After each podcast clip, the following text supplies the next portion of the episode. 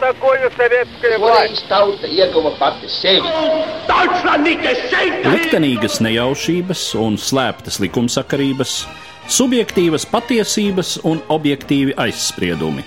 Pēc atkušņa nekad nenāk uzreiz pavasars, bet sākās Arī šodien cilvēki ir ļoti tūredzīgi. Viņi redz to naudu, kas ir. Televīzijā jau pamatā notiek cīņa par varu. Pagātne no šodienas skatu punkta un šodienas caur pagātnes prizmu. Raidījumā šīs dienas acīm. Latvijas radio eterā Eduards Liniņš. Labdien, cienījamie klausītāji! Vidzeme un Rīga 1710. gadā de facto kļuva par Krievijas impērijas sastāvdaļu. Mani sarunas biedri šodien studijā Latvijas Universitātes profesors Gvido Straube un Latvijas kara muzeja pētnieks Dainis Poziņš. Labdien! Labdien! Tātad mēs runājam par notikumiem, kas Eiropā ir pazīstami ar apzīmējumu Lielais Ziemeļu karš. Karš, kurā Zviedrija cīnās par savu tobrīd dominējošo lomu Baltijas jūras basēnā un lielā mērā Ziemeļa un Centrāla Eiropā vispār. Tās galvenie konkurenti šai karā ir Polija, Krievija. Ja mēs runājam par Baltijas telpu, tad Cārs Pēters, kurš tā sacīt cērt savu hrestomātisko logu uz Eiropu, šai ziņā nav oriģināls, jo pirms viņa vēl vairāki krievu cāri ir darījuši līdzīgi, mēģinājuši nostiprināties šeit, Baltijas piekrastē un Daugavas grīvā, un pirmām kārtām droši vien jāmin Jānis IV, saukts par bargo, jeb briesmīgo. Pašai Krievijai tas karš, kas saucas par Livonijas karu, beidzas toreiz, tas ir 16. gadsimts, beidzas visai bēdīgi, bet nu, mēs redzam, ka 18. gadsimta sākumā Krievija atkal ir šeit un atkal pretendē uz šo Baltijas telpu. Faktiski, varbūt vispirms, kas ir tie iemesli, kas Krievijai atkal ļauj uzsākt šo ekspansiju rietumu virzienā? Tā ideja par logu ciešanu, kā jūs teicāt, ir, ir samērā sena, un gan Ivans Ceturtais bija tas, kas skatījās uz Krievijas paplašināšanos rietumu virzienā. Tāpat jāatcerās tie samērā ilgstošie kari 17. gadsimta vidū, kad faktiski tie paši spēlētāji, tad gan Krievija, gan Polija, gan Zviedrija saķērās savā starpā un arī tika turpināta tā pati ideja un Krievijas puses par logu izciršanu rietumu virzienā. No 18. gadsimta sākās laikam ar samērā būtiskām izmaiņām Austrumēropas telpā. Pētera pirmā lielā ambīcijas bija pietiekoši e, spēcīgas, tas skatījums uz lietu attīstību bija pietiekoši avantūrisks un arī pašā laikā arī laikam pamatots, lai attīstītu karadarbību rietumu virzienā. Te gan arī jāpiemina tas, ka Krievija tika provocēta no polijas puses, jo faktiski Polija joprojām laikam nespēja piedot to, ka tā ir zaudējusi Zviedriem, un vidzemes atgūšana bija viena no polijas interesēm, un tie jāņem vērā arī augusta stiprā, varbūt diezgan šaubīgās pozīcijas polijas tronī. Un, lai tās kaut kā uzturētu, tad nemitīgi bija varbūt jāpiedāvā Polijai un pirmkārt jau Sēmam bija jāpiedāvā kaut kādi labumi, kaut kādi jaunie ieguvumi un dabiski, ka karš ar uzvarošām beigām ar bijušo teritoriju atgūšanu būtu bijis ļoti labs, un tāpēc augusts stiprā, zinām, mērā provokācijas Krievijas virzienā kopā cīnīties pret Zviedriju, tās arī dabiski sekmēja Krievijas ambīcijas, un te varbūt arī jārunā par to, ka kopā ar Krieviju un kopā ar Poliju arī tikt galā ar faktiski tā laika Ziemeļa Eiropas, ja Baltijas jūras reģionu lielvalsts Zviedrija gribēja arī Dāniju, kur arī šajā laikā jūtās ļoti, ļoti apdalīta un katru mazākā iespēja atriepties Zviedriem par atņemto pirmo vietu Skandināvijā provocēs to. Un tur līdz ar to, nu, laikam tā bija tā veiksmīgā sagadīšanās, ka šie trīs spēki bija gatavi kaut ko darīt ar Zviedriem un tāpēc arī Krievija, kas varbūt vēl bija ceļā uz, uz modernizāciju, uz atjaunošanos, uz atkopšanos, jutās jau pietiekoši spēcīgi, lai varētu iesaistīties šajās cīņās. Nemaz svarīgs ir personu, individu nopelns Lielā Ziemeļa kara izslaušanā, un te jāpiemina mūsējies Johans Reinholds Patkuls, kurš laikam ar savu, varētu teikt, jau ģenētiski, jau gēnos ieaudzināto naidu pret zviedriem, jo lielā mērā no zviedriem cieta viņa tēvs, un līdz ar to ģimenei bija šis naids pret zviedriem no 17. gadsimta vidus. Tas sekmē to, ka Patkuls investēja iespējams savus līdzekļus, savu diplomātu tā prasmi, arī varbūt savu kaut kādu harizmu, lai izprovocētu šos divus lielos jaunos un ambiciozos valdniekus, Augustu Stipro un Pēteru I, uzsākt kādas predarbības pret Zviedriju. Uh, ir dažādi kritizēts patkuls, bet es domāju, ka viņa nozīme lielās Ziemeļkara izcelšanā ļoti augstu vērtējam. Un varbūt pat, ja nebūtu viņš, varbūt arī šis karš tāds, kā mēs to pazīstam vēsturē, nebūtu nemaz izcēlējies. Runājot par šo valstu tīri militārajām iespējām, un arī, nu, kas saistās arī ar valsts iekārtu, kas šais valstīs pastāv, tā arī ir diezgan atšķirīga, jo, nu, mēs zinām, ka Zviedrija ir, teiksim, vairāk vai mazāk centralizēta valsts ar diezgan stipru karaļa varu. Līdzīgi ir Krievija, lai gan, nu, kā mēs zinām, tad Pēters I šeit veids eh, tajā brīdī tādas radikālas reformas, kam vispār šī valsts ir jāpārveido par kaut ko eiropeiskas monarhijas standartam atbilstošu, un savukārt Polijā karalim līdzās, kā ļoti spēcīgs varas faktors, ir parlaments, seims ar kuru polijas karalim visu laiku ir jārēķinās, jo būtībā polijas karalis katrā ziņā salīdzinot ar saviem kolēģiem citos Eiropas troņos, tai laikā ir gandrīz vai tā kā prezidents, tad vēlēta amatpersona. Ar to arī izskaidrojams, ka polijas tronī tajā brīdī ir Augusts Stiprais, kurš ir Saksijas kurfirsts. Tāpēc mēs arī runājam par to, ka Latvijā šeit pēkšņi nezinu, no kurienes parādās sakšu karaspēks. Ja? Tā ir Saksijas kurfirsta armija. Nu, ja mēs skatāmies tīri militāros aspektus, tad uh, tie ir diezgan kompleksi, un šie resursi faktiski visām kara iesaistītajām pusēm bija pietiekami kara darbības vešanai, vairāk vai mazāk sekmīgas kara darbības vešanai. Militārā ziņā un ar lielāku tādu vēsturisko prestīžu, protams, bija Zviedrijas karalista un Zviedru karaspēks. Ja mēs runājam par pret Zviedriju vēstās koalīcijas vājākajiem biedriem, Dāniju un Poliju, lai arī šīs te armijas bija netik skaitliski lielas, tās arī vienalga vairāk vai mazāk bija piedalījušās šajos te 17. gadsimta beigu karos, un, protams, bija gan taktiskā, gan militārā pieredze, un tie bija salīdzinoši tomēr pretinieki, ar kuriem bija jārēķinās, un pavirš pret viņiem nevarēja izturēties neviens. Tāpat ir, ir apsverot militāros faktorus, jāņem vērā tas, ka arī 17. gadsimta un 18. gadsimta kara nesākās tāpat vien tikai tāpēc, ka kāds valdnieks no rīta pamodās, viņam bija slikts noskaņojums, viņš izdomāja, ka mēs tagad karosim. Nē. Jebkuram karam karojošās puses gatavojās, veica izlūkošanu, te neapšaubām ir manuprāt, arī no militārā viedokļa ļoti liela nozīme patkulu darbībai Latvijā, jo viņš uzņemoties savu iniciatīvu, faktiski apgādāja Krievijas cāru ar informāciju, kuru tas vēlējās dzirdēt. Solot, kad ir šeit šis predzviedru noskaņojums, kad ir labvēlīga augsne Krievijas valstī paplašināties. Ja mēs runājam par tīri ekonomisko potenciālu, Zviedrija bija spēcīga valsts, bet spēcīgāk neapšaubām par uh, tā laika Poliju un Dāniju. Bet, ja mēs ņemam resursus kopumā, dzīvā spēka resursus, teritoriju, pārtikas rezervus, tad neapšaubām Pēterim pirmajam bija pamatīgs trumpis viņa plašās valsts iekšzemes teritorijas un dzīvā spēka resursi. Galvas naudas maksātāju skaita ziņā Krievijas valstī tobrīd pār pa 5 miljonu vīriešu, kas maksāja galvas naudu un ir apmēram tātad 14 miljoni iedzīvotāji. Zviedrijas mobilizācijas rezervus apmēram 2 miljonu cilvēku.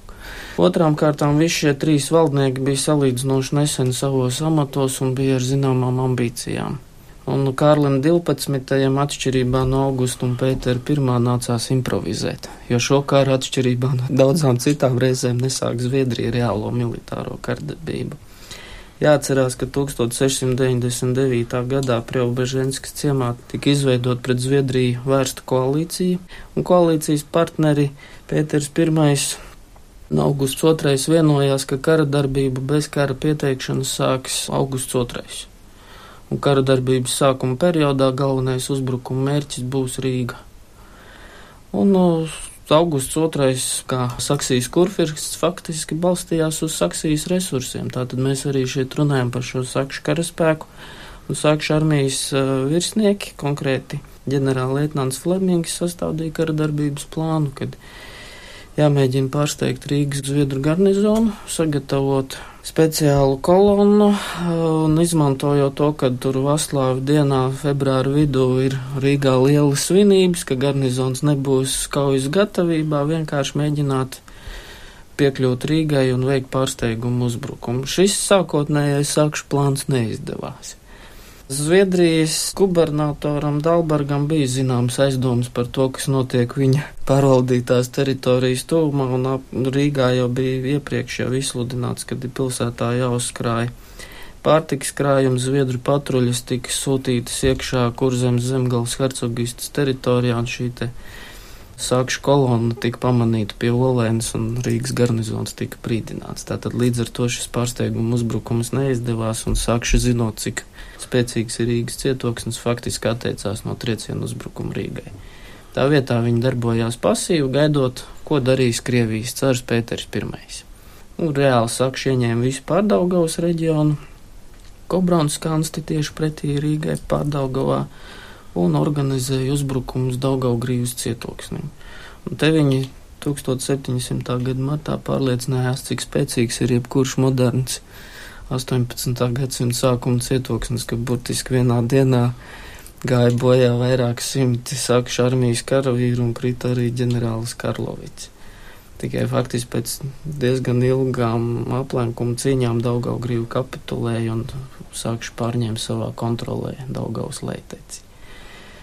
Krievijas cars ieņēma salīdzinoši nogaidošu pozīciju, viņa karaspēks šeit pie Rīgas bija Sākumā nebija vispār palīgā, tika atsūtīta neliela vienība, kas 1701. gada vasarā atradās Lucavas salā.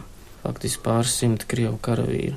Galvenā Krievijas kara darbības zona bija Igaunijas ziemeļa daļa, un tur faktiski bija uzbrukums Nārvis virzienā. Pēters I bija sapulcinājis gan savus jaunizveidotos pulkus, gan no viņa tēva mantotu armiju, un 1700. gada novembrī Nārvis kaujā Pēters I piedzīvoja pamatīgu sakāvi. Šīs Kāļa 12. uzvara zināmā mērā maldināja Zviedrus, jo ar salīdzinoši nelielu armiju viņi bija uzvarējuši skaitliski lielāku pretinieku, un Kārlis 12. vairs Pēteru I neuzskatīja par nopietnu pretinieku. Pirms tam jau viņš bija veiksmīgi sakāvis Dāņus, piespiedzis arī Dāniju izstāties no šīs koalīcijas. Pēc panākumiem pie Nārvas Zviedru galvenie spēki virzās uz Rīgu, pienāk pie Rīgas pilsētas 1701. gada vasarā, jūlija mēnesī šķērso Daugavu un 9. jūlijā sakauju sākšu armijas pilgas pļavās, apmēram tajā vietā, kur mūsdienās ir lidlauks. Nu, krāšņa literatūrā ir diezgan aprakstīta arī nacionālajā romantiskās virziena vēstures literatūrā latviešu laivinieku loma un šī te desanta operācija. Patiesībā no militārā viedokļa tas bija diezgan spīdoši taktisks gājiens, jo uzbrukums bija labi norganizēts īsā laikā Rīgas pilsētas resursi tika mobilizēti un sagatavoti šīs te liellaivas tika organizēts arī dūma aizsaks, kas ir diezgan reta parādība tā laika kara mākslā, kad krastā dedzina salmas un mēģina aizsekt skatu zonu, lai precīzi nevar apšaudīt šīs te desanta laivas. Tā kā Kārlis 12. bija tāds neapšaubām talantīgs taktiķis. Panākumi spilvis kaujā izraisīja tālajošas sekas turpmākajā kara darbībā. Sakši atkāpjas no Latvijas, Zviedru karaspēks ieņem kurzemes hercogisti, Un faktiski Kārļa 12. galvenais pretinieks ir Augusts II ļoti ilgu laiku, un Zviedru karaspēks un pats Kārlis 12. zaudē laiku cīnoties un vajājot sākšas Polijas Lietuvas teritorijā, un Pēters I vienkārši iegūst laiku. Tā teikt, izdara secinājumus no neveiksmes, reorganizē armiju, un jau faktiski 1702. gadā atklājās, kad uh, vidzemē un arī Zviedru kontrolētajā Igaunijas daļā nav pietiekoši daudz karaspēku tīri skaitliskā ziņā, lai apturētu Šeremetjo darbību. Un ir vairākas sadursmes un cīņas, kas skaitliski tur šīs karaspēka masas nav lielas, bet katrai šai atsevišķai sadursmei bija novājinājoša ietekme, un Zviedri pamazām, pamazām sāk zaudēt pozīcijas. Arī šie Igaunijas vidzemes uh, zemesargi, kā toreiz rakstīja, zemes milicijas uh, bataljoni arī neko būtisku šajā spēka samērā nespēja mainīt.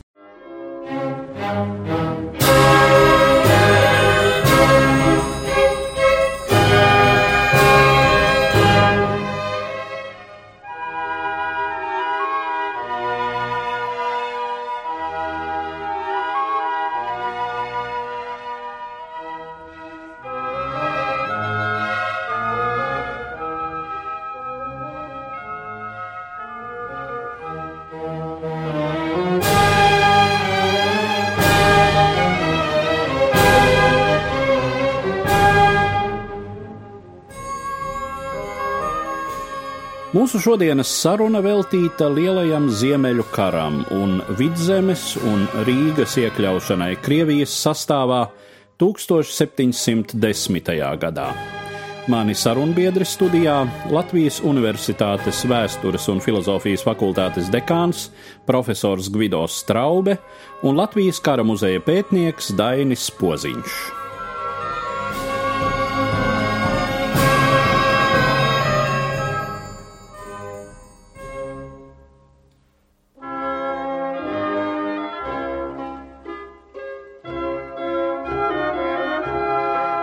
Ar šo Šeremetjevu iebrukumu vidzemē un Igaunijā saistās viens no tādiem spilgtiem stāstiem par Latvijas vēsturi, par šo zemes izpostīšanu.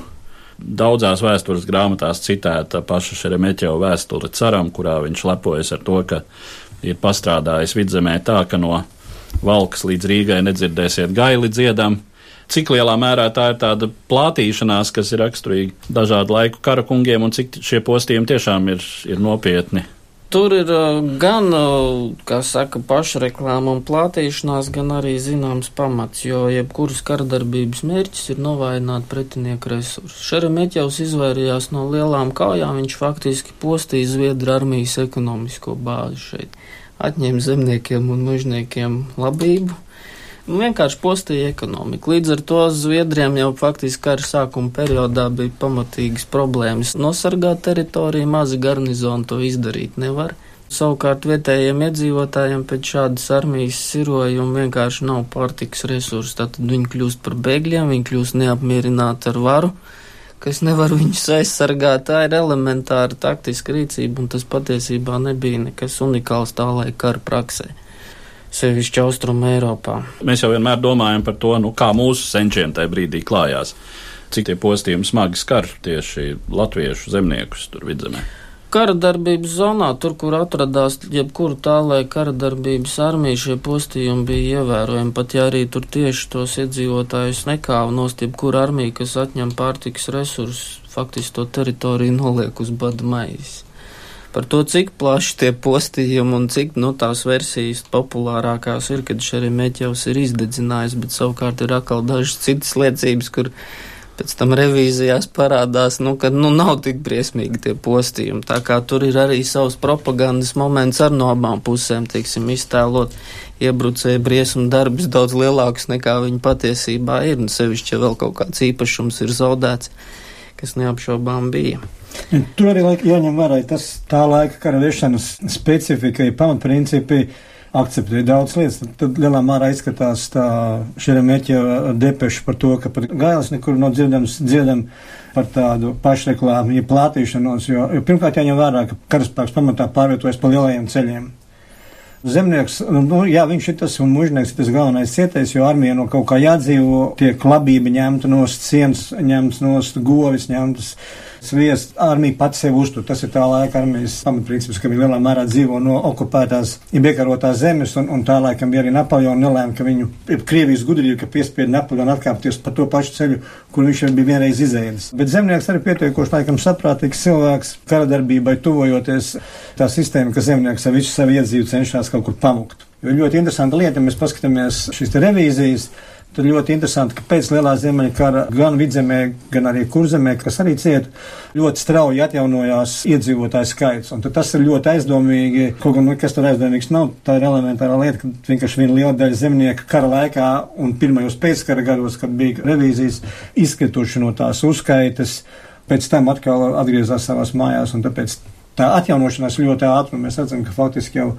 dažus gadus pirms Nīstats miera līguma jau faktiski vidzemes tas potenciāls lauksaimnieciskais ir atgriezies pirmskara līmenī, un iedzīvotājs skaits arī ļoti ātri atgriežas. Ja, tā kā līdz ar to varbūt nemaz tie postījumi nebija tik lieli, un tas vairāk ir tāds stereotips Latvijas vēsturē, ka lielā ziemeļkara laikā Latvijā dēļ kara un dēļ mēra ir, ir nu, tur tie cipari dažādi, bet uh, no puses līdz pat divām trešdaļām un pat trim ceturdaļām iedzīvotāji ir izmiruši. Tas laikam būs nedaudz pārspīlēts.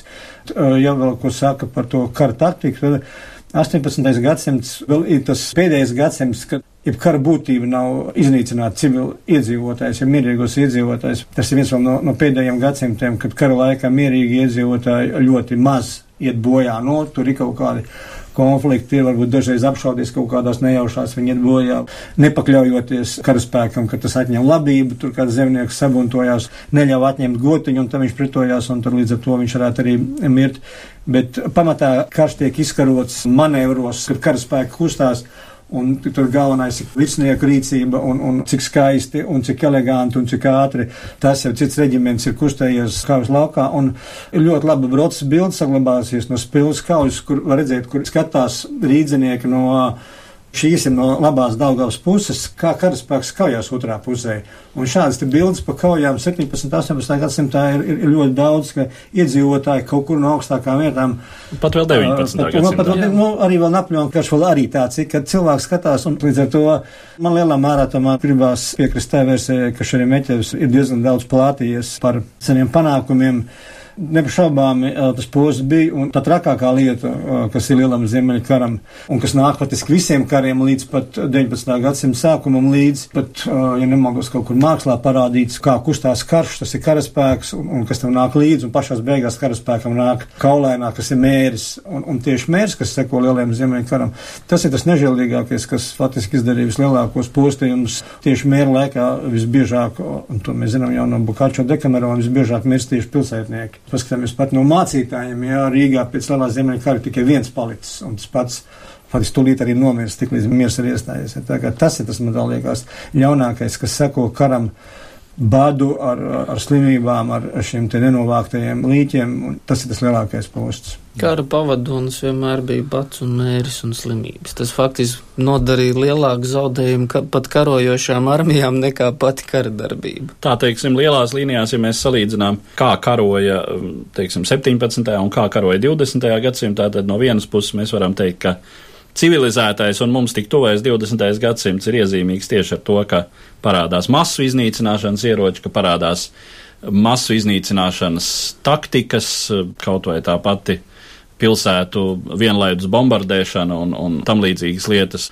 ar ko, protams, nevar samēroties ne tehnisko līdzekļu, ne arī taktikas ziņā 17. gadsimts, kad tiešām civiliedzīvotājs lielā mērā, nu, šis karš, var teikt, lika mierā, bet, nu, no otras puses, jā, lielu cilvēku masu pārvietošanās, tur, protams, tiek līdzvazātas infekcijas un, Nu, tur tā, lai karavadoņiem apgādes problēma bija viena no pati svarīgākajām faktiski armija pārtika, jebkura armija, arī tā armija, kas aizsargā to teritoriju no vietējiem resursiem. Un tas Tiek, arī protams. attiecīgi ir galvenā vietējo iedzīvotāju problēma. Ja mēs skatāmies uz Zviedru karaspēku vidzemē un, un Rīgu, tad faktiski Zviedru varas iestāžu un Rīgas pilsētas attiecības ir diezgan sarežģītas, tāpēc, ka armijai pastāvīgi ir vajadzīgi mitekļi, jauni karavīri, un tur mūždien ir sudzības, ka rātei prasa dot tik un tik daudz labības, un nav, un pietrūkst finansu resursu, un tā ir viena no galvenajām vidzemes aizsardzības problēmām, tāpēc, ka faktiski vidzemes visa aizsardzība tika organizēta lielā mērā uz vietējiem resursiem, un tie nebija pietiekami lai to nodrošinātu. Kārlis 12. pats pa to laiku atradās ar savus armijas galveniem spēkiem tālu no Latvijas. Un, ja runājam par Ziemeļu karu, lielā mērā vidzemes likteni izšķīra tāda vēstures literatūrā netik bieži pieminēta kauja, kas notika 1708. gada rudenī pie Ļesnājas, kur faktiski Krievijas karaspēks pārtvēra no vidzemes sūtītos papildspēkus, kas gāja uz Ukrainu.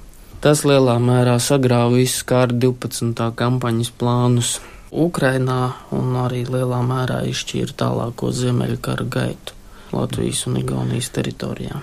Visu to tā aplūkojot, rodas tāds viens jautājums, kā tā laika Eiropa un tā laika Eiropas valstis tā skatījās uz Krieviju. No vienas puses atkal jāsaka, tas klišejiskais skatījums var būt, eh, kas ir gan vēsturiski ar savām saknēm, gan arī pēdējā gadsimta iespējā droši vien nostiprinājies, ka Krievija tā ir tomēr tāda aziātiska haosa un eh, nomadu, postītāju, sirotāju valsts un tauta, un kuru labāk Eiropā iekšā nelaist. Tas var varbūt šķist paradoxāli, ka Eiropas valdnieki labprāt slēdz ar Krieviju savienības līgumus, kopīgi karo un tomēr ļauj arī Krievijai nostiprināties. Ar tādu, teiksim, šīs dienas zināšanu mēs varam teikt, nu kā tad tā, nu tā pati Polija, jā, būtībā ar to jau sākas arī tas process, kas beigās, 18. gadsimta beigās noved pie Polijas iznīcināšanas zināmā mērā. Tad tas ir tas pareizais uzstādījums, ka,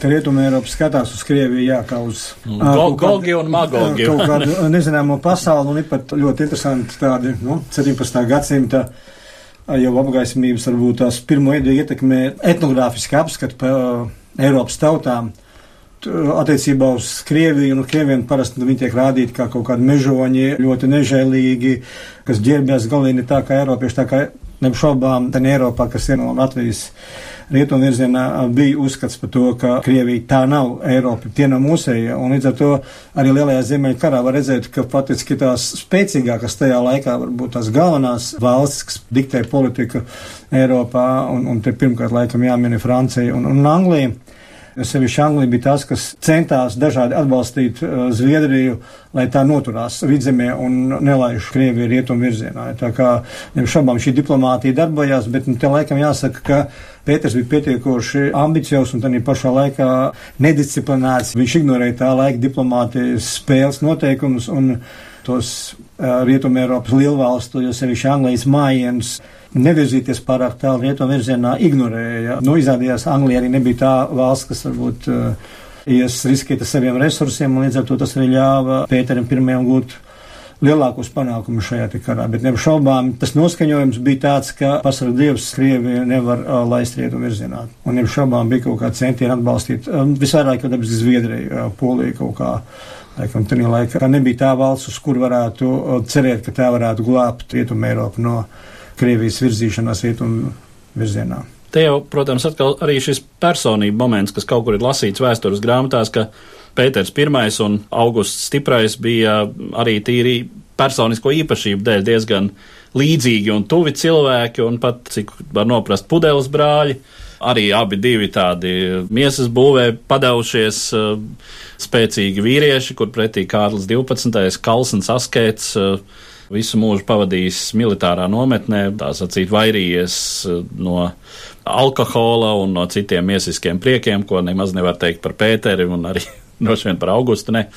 Jā, nu tā tad kaut kā. Augustē pat nebija šajā ziņā, vai nebija pat lielāks malets nekā Pēters pirmais. Bija, bija jā, tur visādi. Mīlas dēkas un ārlaulība esošie bērni, ieskaitot mums priekš Latvijas tik svarīgo Sakšu Moricu savu tagadējo Morits salu kurzemē jau ir, ir viens no tiem pierādījumiem. Tādā ziņā varbūt ir zināms skaidrojums, ka šī valdnieku tāda personību līdzība arī palīdzēja to brīdi Krievijai un Polijai vienoties kopīgā cīņā.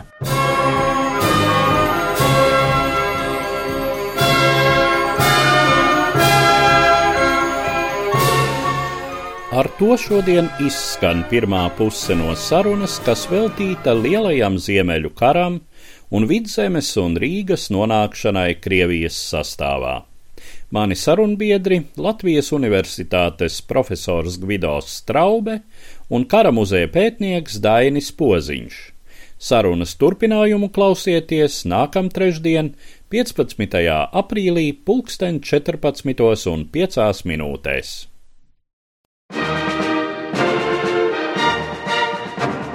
Par pagātni sarunājas Eduards Līniju.